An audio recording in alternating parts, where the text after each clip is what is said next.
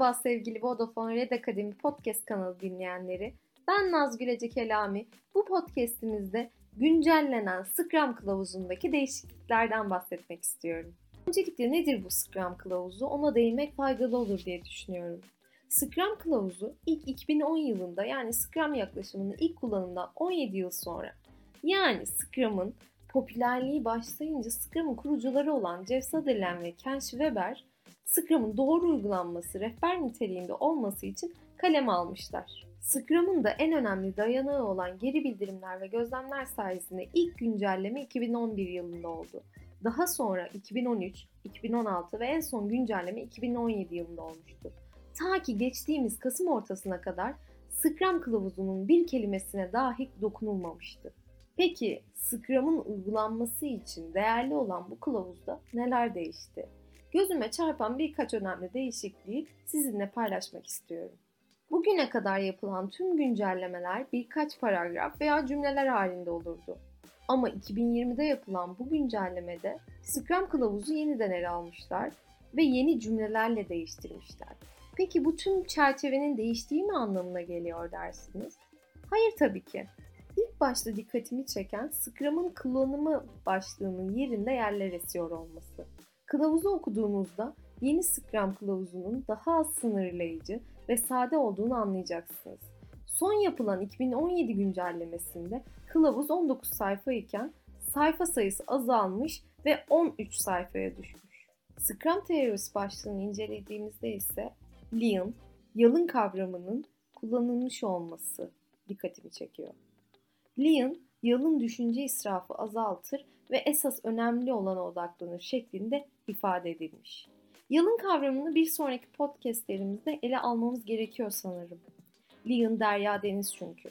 Scrum kılavuzuna dönecek olursak 2017 kılavuzunda Scrum rolleri başlığı altında bir tüm rolleri kapsayan Scrum takımı ve ürün geliştiren bir development takımı varken güncelleme ile birlikte tek bir takım, tek bir hedefi vurgulamak için development team terimi developers olarak yenilenmiş. Yani artık tek bir takım var, o da Scrum takımı. Scrum rolleri başlığındaki tek değişiklik bu değil. Scrum takımı özelliklerinden bahsederken artık kendi kendilerine organize olurlar değil, kendi kendilerini yönetirler şeklinde anlatacağız. Bir kelime değişikliği bile o kadar çok şey anlatıyor ki bizlere.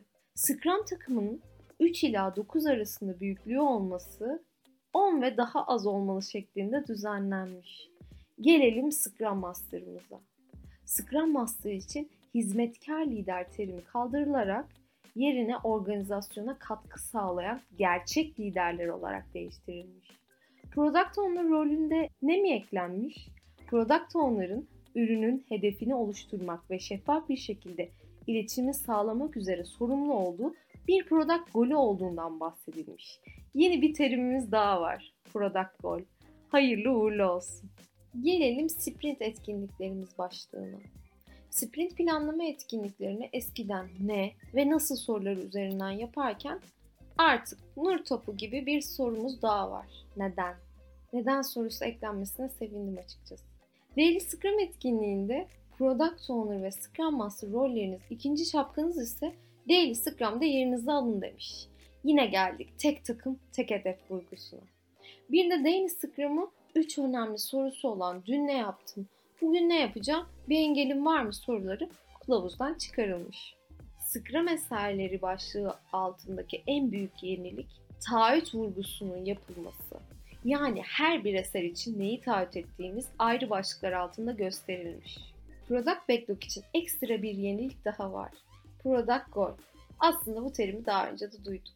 Nedir peki bu taze terimimiz Product Goal? Product Goal, Product Backlog içinde yer alan Scrum takımını ürünün gelecekteki durumunu gösteren uzun vadeli bir hedef olarak tanımlanıyor. Product gelince emektar sprint golümüzü sildik mi? Hayır, sprint golümüzün yeri baki. Scrum Kılavuzu 2020 hakkında aldığım notlar bu kadar. Bir sonraki podcast'imizde görüşmek üzere. Hoşçakalın.